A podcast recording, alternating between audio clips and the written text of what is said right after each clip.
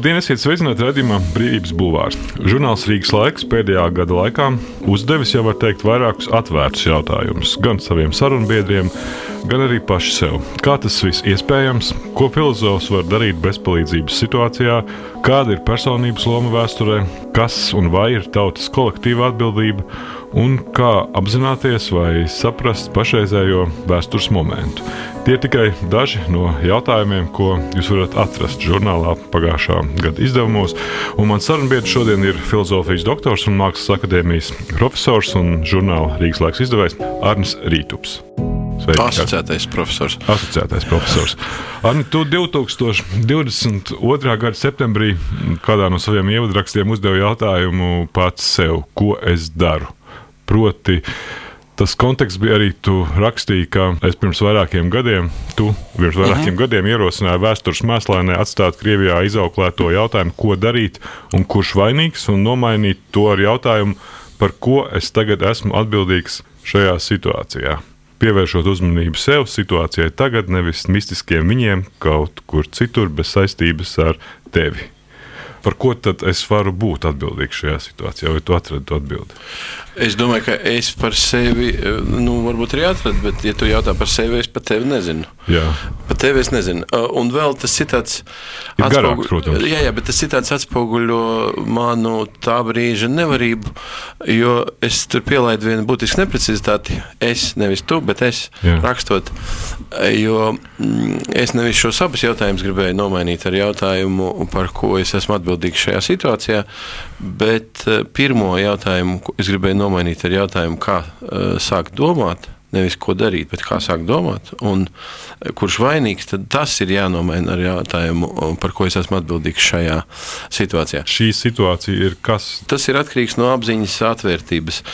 Eh, cik lielu situāciju tu padari par savu?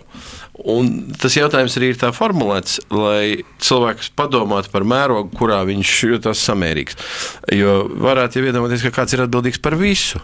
Nu, ir tādi zvejnieki bijuši, kas uh, nu, ir gribējuši uzņemties, pilsoņi, jā. Jā, gribējuši uzņemties atbildību par visu. Manuprāt, tā ir ilūzija un pašapmāns. Neviens nevar uzņemties atbildību par visu, bet par kaut ko var uzņemties katrs. Un pagaidām esmu sašaurinājis to savu atbildības lauciņu līdz uh, saviem vārdiem, līdz tam, ko es rakstu, runāju. Tas ir mans pienākums un atbildība šobrīd. Tad atgriežoties pie kāda cita raksta, kas patiesībā ir uh, nu, tā paša jautājuma cita daļa. Tu veido interviju ar krievu sociologu Viktoru Vaštainu.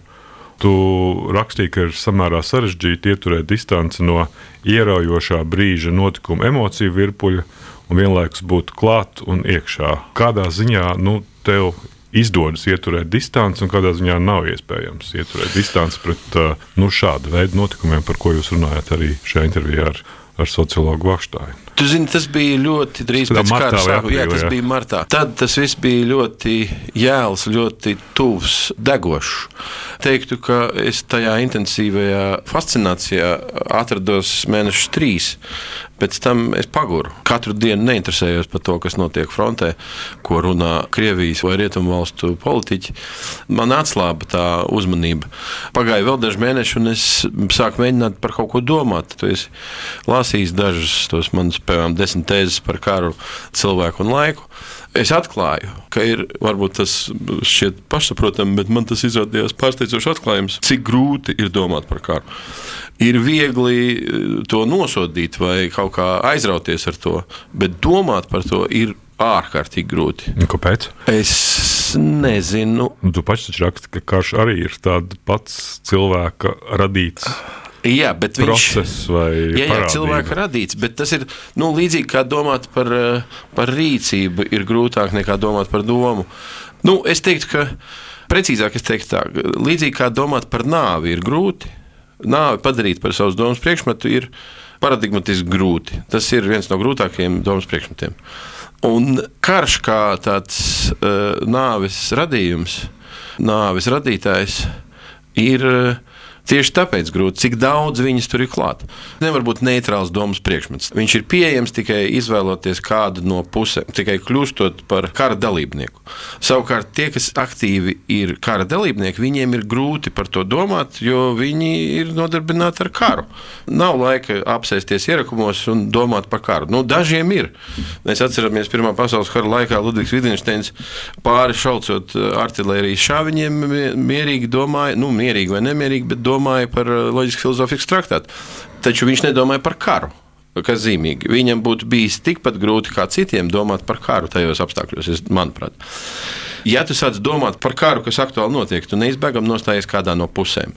Un, ja tu nenostājies kādā no pusēm, tad uh, tu domā par kaut ko citu, nevis par karu. Kā tu uztver šo nu, Latvijā izplatīto gan politiskā, gan arī publiskā līmenī ļoti bieži izskan apgalvojums, Ukrāņi karo mūsu vietā. Vai mēs tad atrodamies šajā karā ar šādu izteikumu? Nē, nu ar izteikumu vien nē. Ar, eh, ja izteikumam seko kaut kādas darbības, mēģinot vēlēšanās palīdzēt, tad, protams, ka palīdzot eh, vienai no karojošām pusēm, mēs esam kara dalībnieki.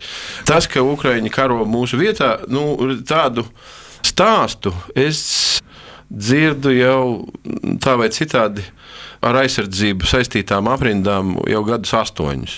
Pieņēmums, ka pēc Ukraiņas ieņemšanas nākamā būtu Baltija, tāds stāsts Latvijas gan valdības līmenī, gan aizsardzības ministrijas darbinieku līmenī ir figurējis jau ilgu laiku. No tā izriet, ka ja, Ukra ja šobrīd Ukraina aiztur Krievijas to agresiju un neļauj viņai izplatīties, tad viņi karo mūsu vietā, protams. Jā. Arī šajā krievu izdevumā ir publicējuši tavu sarunu ar Aleksandru Pieķigorsku filozofu. Un, uh, Es ļoti samērā bieži skatījos, kad Pieķigorskis vēl bija dzīves. Jūs vai viņam pasūtījāt, vai viņi runājāt par daudzām tādām arī sociāli politiskām tēmām, par politiķiem, par visu kaut ko tam līdzīgu. Vai ir tādi nu, jautājumi, kur tu pie sevis pieķer, ka tu gribētu nu, zināt, ko viņš domātu par šobrīd, par to, gan par to, kas notiek Ukrajinā, vai par to, kas notiek Krievijā? Par ko tu veidot sarunu ar viņu? Viņš ir vienīgais, ar ko es, varētu, ar ko es gribētu veidot sarunu par to, kā domāt par šo karu. Man pirmajā pusgadā pēc šī kara sākuma pārsteidza nevarība, nu, rietumu pasaules intelektuāļu nevarība to aptvert kaut kādā ziņā, to padarīt par domas priekšmetu, nu, domāt par to. Man saruna pieredze ar Aleksandru Pičigevski liek saprast, ka viņa refleksijas spējas šeit būtu ļoti noderīgas. Man nav tik izkoptas refleksijas spējas kā viņam. Man nākās daudz grūtāk domāt, tāpēc man būtu bijis labi, ja būtu ar viņu iespēja parunāt par šo karu. Ne jau kā mēs atrisinātu kara problemātiku, bet vismaz parādītos kāda jēdzīga doma kara sakarā. Arnēs Rītups ir Latvijas Mākslas akadēmijas asociētais profesors. Iegūst doktora grādu filozofijā Lēvenas Katoļu universitātē, specializējies Aristoteļa un viņa grieķu komentētāju darbos. Viņš pasniedz filozofiju Latvijas Mākslas akadēmijā, kā arī ir žurnāla Rīgas laiks izdevējs. Nu, Ulrichs Tirons eh, žurnālā intervijā Anatoliju Hutinu, un viņam ir tikai viens tāds kantisks jautājums, kā tas viss ir iespējams. Pēc šī viss tas arī ir kaut kāds, man liekas, jau pavasara izdevums. Jā, tas ir pēdējais krievu izdevums, kurā Tirana saruna ar Ahuķinu ir pieejama. Un tas taču nav kaut kāds nu, filozofiski neatbildamais jautājums, ne? kā kaut kas tāds ir iespējams. Es domāju, tas ir ļoti grūti atbildams jautājums, jo viņš paredz vienlaicīgu rēķināšanos ar milzīgu daudzumu dažādu faktoru. Sākot no psiholoģiskiem un beidzot ar, ja gribi, pat ģeopolitiskiem. Tas, nu, es nekādā gadījumā neteiktu, tas nav atbildams, bet es teiktu, ka tas ir ļoti grūts jautājums. Un tā, ka, nu, vai kāds jau ir atbildējis, nē, nav atbildējis. Jo, nu kā, var atbildēt primitīvi, nu, ka cilvēks ir agresīvs pēc dabas, un nu, tāpēc jebkurš karš ir iespējams, jo, jo cilvēki agresīvi cīnās par resursiem. Tādā ziņā karš ir mūžīgs, viņš jā, vienmēr bijis un vienmēr būs. Jā, ja kāda apmierina šāda veida vienkāršot atbildi, tad nav arī ko domāt. Bet, ja ierauga to daudz faktoru cēloņu telpu, kur ļoti daudz faktoru saspēle izraisa tādu mēroga vēstures notikumus, tad uh, izrādīsies, ka par to grūtāk, ir domāt daudz grūtāk. Un rētais uz to nu, ir spējīgs. Viena no tavām tēzēm, desmit tēzēm, kuras uh, ir šajā Krievijas izdevumā par karu, tu ja es precīzi to tulkoju, ir spēja būt konfliktā, to nesarežģījot, prasa sarežģītākas institucionālas un garīgās dzīves formas nekā pacifistisks pašapmāns. Mm -hmm. Tā es domāju ka pacifisms ir. Jā, tas ir. Tāds, tā ir pašapziņa forma, forma. daži kaut kāda inteliģentu radīta, kas nereiķinās ar to, ka pasaulē ir agresīvi spēki, kuriem, ar kuriem ir jācīnās, nevis kuriem ir jāpakaļaujas eh, nevardarbībā un ieroču izkausēšanā, pārvēršanā ārklos, piemēram. Pacifisms manā acīs, nu, tāds kā viņš 20. gadsimtā ir bijis, un tik cik nu es par viņu esmu interesējies, ir eh, galēji naiva, sentimentāla un utopiska pozīcija, kura, kā daudzas citas utopiskas pozīcijas, ir tās nesējiem palīdzējuši nonākt kaut kādās nākotnes situācijās. Protams, utopija, kā politiskās teorijas tāds uh, modelis, ir dominējošs rietumu pasaulē. Nu, tā vai citādi, viens vai cits utopisks skatījums ienes tevi nākotnē. Manas bērnības 30. gadi pazina četras galvenās bailes kas uz visu mūžu iespiedušās man atmiņā. Tā žurnālā Rīgas laiks esejā par bailēm savulaik rakstīja filozofs Aleksandrs Pjaķigorskis. Bailes no bada, bailes no aresta, pratināšanas un nometnēm, bailes no tuberkulozes un bailes no kara. Padomju propagandas bailes no kara pastiprināt centās mazināt, skaidrojot, ka tas būs ne tāds karš, bet kaut kāds pavisam citāds. Skolēni turpinās mācīties skolā, studenti universitātē, zinātnieki nodarbosies ar zinātni, Mūziķis spēlēs un dziedātāji dziedās, bet pa to laiku sarkanā armija veiks izšķirīgos triecienus ienaidnieku karaspēkam un tikai viņa teritorijā. Viss beigsies pāris dienās, nu augstākais pāris mēnešos. Un vienlaikus tā pati propaganda maksimāli pastiprināja bailes no kara, aicinot iedzīvotājus uz totālu militarizēšanos un skaidrojot, ka karos nevis armija, bet visa tauta. Tā Aleksandrs Pieķigorskis kas bija interesanti, ka tā 30. gada propaganda, kara bāļu propaganda, ir diezgan līdzīga tam, ko pēdējā gada vai vairāk gadu laikā ir realizējusi eh, Krievija. Ka, Karš beigsies ātri, mums ir vajadzīgs izšķirošais trieciens, Jā. pacietieties un, un tam līdzīgi. Ko tu zini par savām bailēm no kara? Tas ir man tas, kurus tu uzskati par savas dzīves svarīgākiem notikumiem baiļu kontekstā. Es domāju, man tā nopietni ir bail no ārprāta, kurā pastāv iespēja ievelties. Tās citas bailes ir tādas neizkoptas, varbūt eh, pieredzes trūkuma dēļ, vai, vai kā. Man, es nevaru teikt, ka man, man tas karš, izrais, karš izraisīja bailes. Viņš drīzāk izraisīja pretīgumu un tādu riebumu. Ko es zinu par savām bailēm? Vismaz es neredzu, ka tas mani aktīvi vadītu šis stāvoklis manas darbības, manas eh, domas. Es jau vairākus gadus atpakaļ esmu pieņēmis, ka bailes ir mans ienaidnieks un man ar to kaut kas jādara. Un tas varbūt ir pārdesmit gadus atpakaļ. Es kaut ko ar to esmu darījis tā, lai man viņas pārāk netraucētu dzīvot. Jo man ir šķitis, ka tas ir visdestruktīvākais spēks, ka, kurš ir kaut kādā ziņā atkarīgs no manis. Nekas mani tā nevar destruēt, kā ļaušanās bailēm. Tāpēc man šķita, ka tad, kad sākās pandēmija, tad uh, daudz lielāka problēma par uh, to cilvēku miršanu man šķita. Bija baiļu izplatīšana, nu, tāda baiļu uh, pandēmija. Norimās ar laiku, bet es tajā redzu nu, pa īstam, īsti destruktīvu spēku, kurš. Apmēram tas pats, ko raksta Pēķis par savu bērnību 30 gadus, un ka šī propaganda mērķiecīgi ir strādājusi tajā ziņā. E, nu, jā, man Lai bija viens... iespiestos uz visu mūžu atmiņā. Varbūt mūsu situācijas bija šī atšķirās. Man, man bija tāda epizode pirms gadiem desmit. Šķiet, Vroclavā bija NATO kaut kāds samits, un es tur biju iemaldījies. Es vairs neatceros, kādiem iemeslu dēļ. Un tur uzstājās vienā no sesijām bija viens ģenerālis un divi ieroču ražošanas lielākie pārstāvji no Amerikas Savienotām valstīm.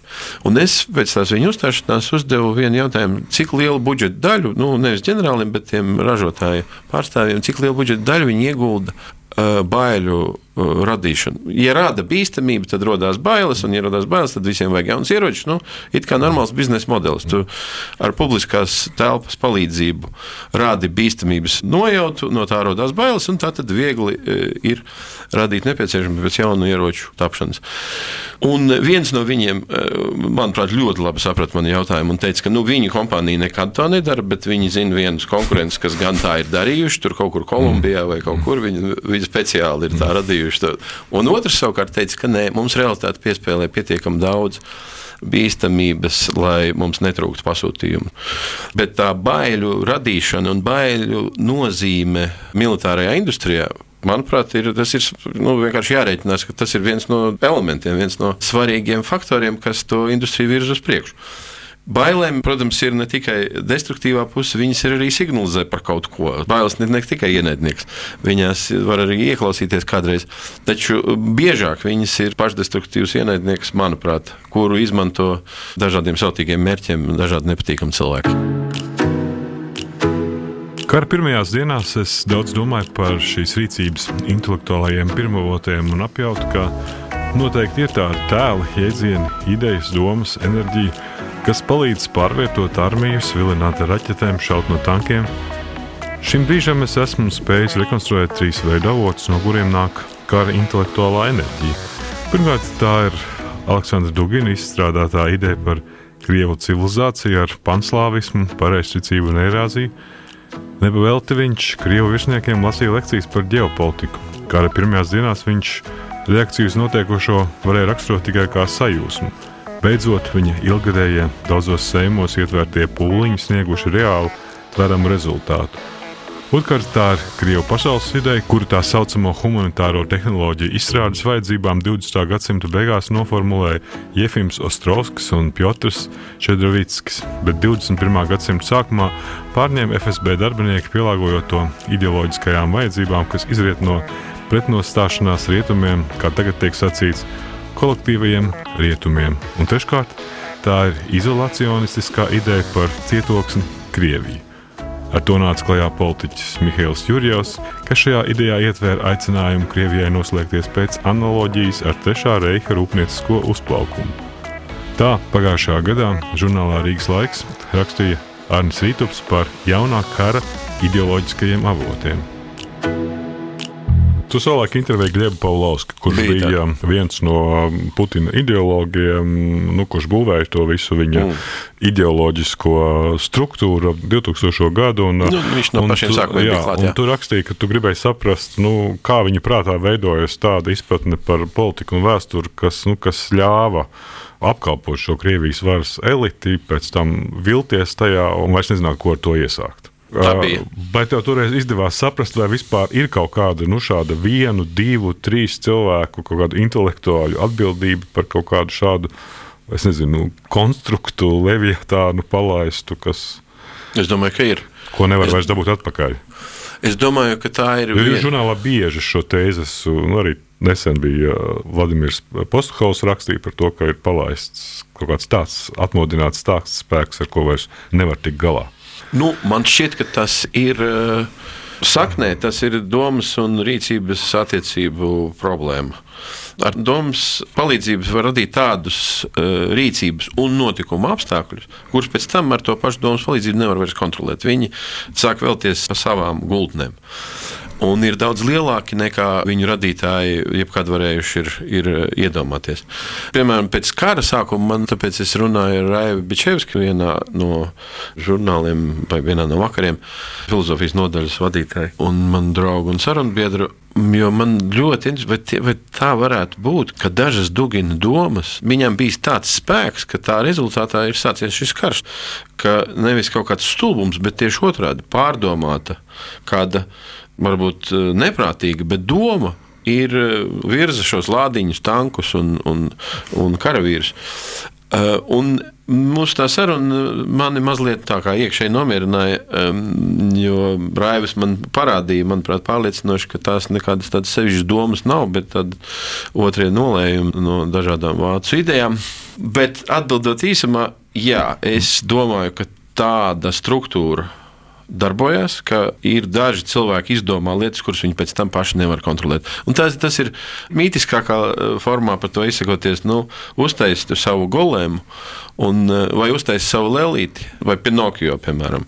Un viņš tev pēc tam eh, apēda un izmanto vai mākslīgo intelektu, vai politisku sistēmu. Vienalga. Varbūt mums tāda Putina nemaz nav.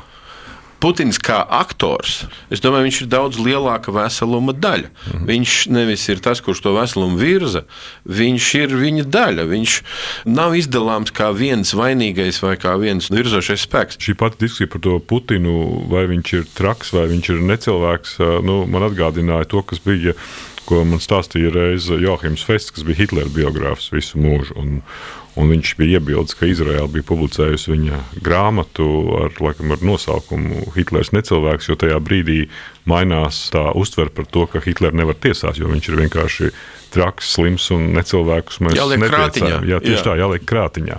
Un tas pats, man liekas, ir arī attiecībā uz nu, Putinu, kad ir jautājums, vai ko tad tiesāt? Nu, līdz tiesai vēl nav nonākts. Tur vēl mazliet ir darbiņš darāms, lai līdz tam varētu nonākt. Man rādās, ka tā mašinērija, kur nevar apstādināt neviens atsevišķs domātājs. Viņa neatceļ individuālās atbildības nepieciešamību tajos, kas ir nozīmīgi spēlētāji mašinērijas ietvaros. Tas ir, nu, ir divi aplūkojumi veidi, ja gribi. Tur var mierīgi uz to paskatīties kā uz individuālu cilvēku atbildības cēloņu sakarībām. Nekāda problēma tur neredz. Mani pārsteidza savulaik, eh, nu, tas ir pagājušā gada pavasarī, cik ļoti toreiz es lasīju kaut kādu Amerikas pēcdienestu tādu publisku paziņojumu. Cik ļoti viņus interesē Puķina psihiskais stāvoklis un mentālais, un uz ko viņš domā.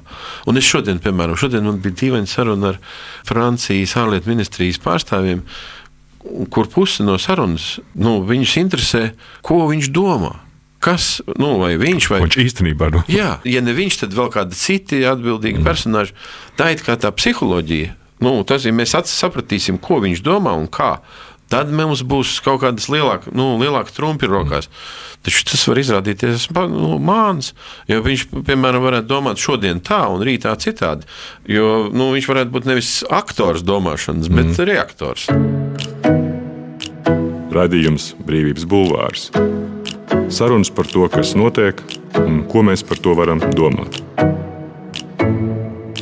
Pēc 91. gada Fukujama nāca klajā ar šo tēzi par vēstures beigām. Pēc tam visi atzina tādā politoloģijas līmenī, ka tās tomēr nebija nekādas vēstures beigas. Vai tagad nu, šis jautājums par to, kas notiek, vai varbūt tās ir tās vēstures beigas, kuras nu, varbūt Fukujama toreiz ne tā pravietoja, jo viņš pats ir atgriezies šobrīd un diezgan aktīvi runā arī. Tā nopietni runājot, es par vēstures beigām varētu saukt tikai tādu gadījumu, ka cilvēkiem, kuriem ir iespēja sevi iznīcināt, nu, visu cilvēci, visu civilizāciju, ir iespējams iznīcināt un palikt tikai sēnes, piemēram. Nu, tas, to es sauktu par vēstures beigām. Kamēr kāds paliek no cilvēkiem. Nekādas vēstures beigas nav. Vienkārši ir nu, krīze vai grūti brīži. Taču dīvainā kārtā, tāpat kā pēc otrā pasaules kara, arī šobrīd pati iespēja iznīcināt visu uh, dzīvo, nu, vai vismaz visu cilvēku radīto un pašu cilvēkus, viņa fiziski pastāv. Nu, nu, gan, ir daudz lielāka nekā jau kad jā, agrāk. Tieši tā.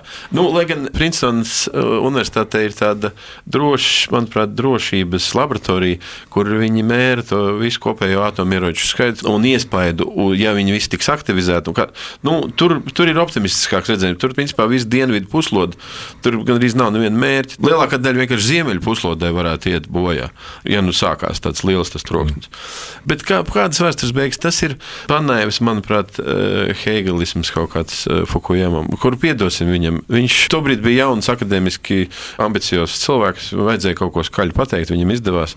Viņu visi pamanīja, uh, nevelti viņš ir Stanfords profesors. Tagad viņš ir nu, pielāgojās situācijai un domā citādi. Tu izteicies arī mm, tajā intervijā Radio Svobodā, ka tev pēdējos 30 gados mainās tas tēls, kā tu redzi Krievu cilvēku. Ka tu neko nedari speciāli, bet tas, nu, bet tas mainās. Nē, nē, tas savs iekšējais. Es Krievs kļūst nedaudz toksisks. Ja es to teicu par pēdējiem 30 gadiem, tad es, tas es esmu kļūdījies, jo es runāju par pēdējo gadu. Pēdējo 10, 12 mēnešu laikā es vienkārši redzu šīs izmaiņas. Manī parādās aizdomas, manī parādās tādas bažas, ko viņi īsti grib. Man ir daudz draugu Krievu ar kuriem eh, manas attiecības nekā nav mainījušās, nav pasliktinājušās. Bet tas nu, toksiskais iekšējais jā, krievs vi... jau ir, pa... Nē, ir viņš, nu, jā, bet viņš, ir, viņš tomēr ir iekšējs. Viņš ir tāds filtrs, caur ko es, to, es viņus aplūkoju. Pirmkārt, es aplūkoju tos, kurus es nepazīstu. Nu, man uzrunā kāds krievs, kurus es nepazīstu, pret to man ir parādījušās nu, aizdomas kas man agrāk nebija. Krievijas vai Ukraiņas, kāda, kāda starpība? Šobrīd ir starpība.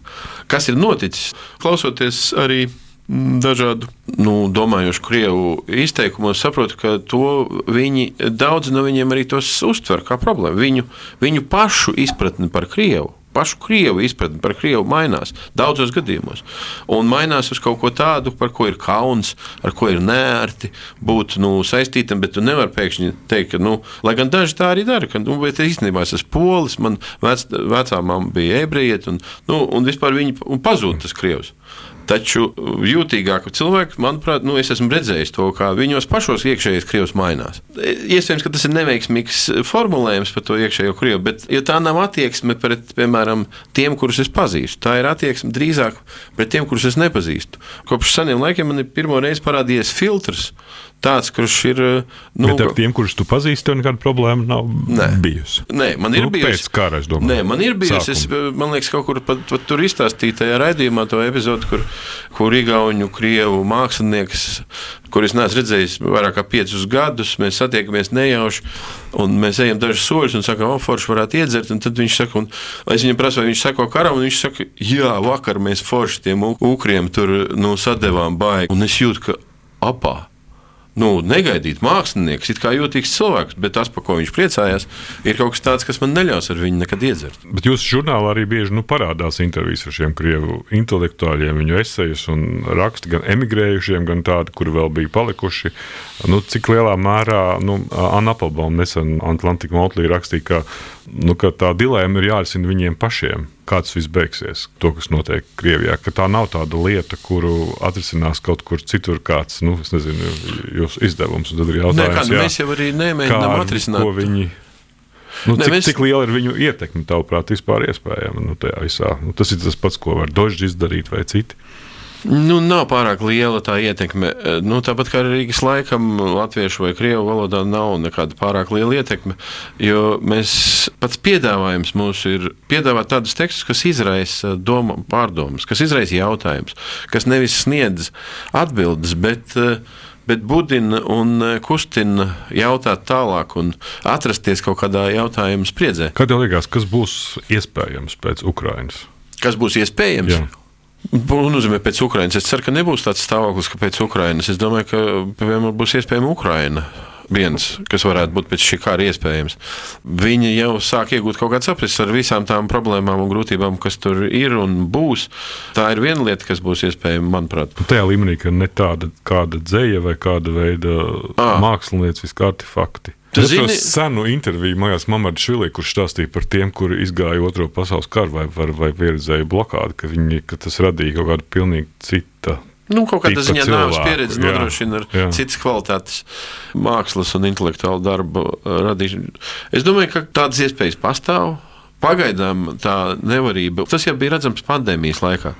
Cik nevarīga intelektuālā doma šobrīd pasaulē ir visā pasaulē it kā būtu izsīcis kaut kādas prāta enerģijas. Iespējams, ka pēc šī kara, mēs nezinām, kad tas būs, pēc trim mēnešiem, pēc trīs gadiem vai pēc desmit, nu, parādīsies kaut kādas jaunas domāšanas un pašizteiksmes formas, radīšanas formas. Varbūt. Ja neiestāsies vēstures beigas, par kuru nu, paliks tikai sēnes, radioaktīvas turklāt tad eh, ļoti daudz kas būs iespējams. Būs iespējams gan eh, domāt, gan eh, dzīvot, gan sarunāties, gan gūt prieku. Viss kaut kas būs iespējams. Paldies! Tas bija filozofs Arnis Rītups, mans vārds Gins Grūve. Radījumu ierakstīja Toms Šits un montēja Nora Mitsba. Paldies! Arni. Paldies! Brīvība ir brīvība. Nevienlīdzība vai taisnīgums, vai kultūra vai cilvēks laime Tā teica Iesai Berlīns.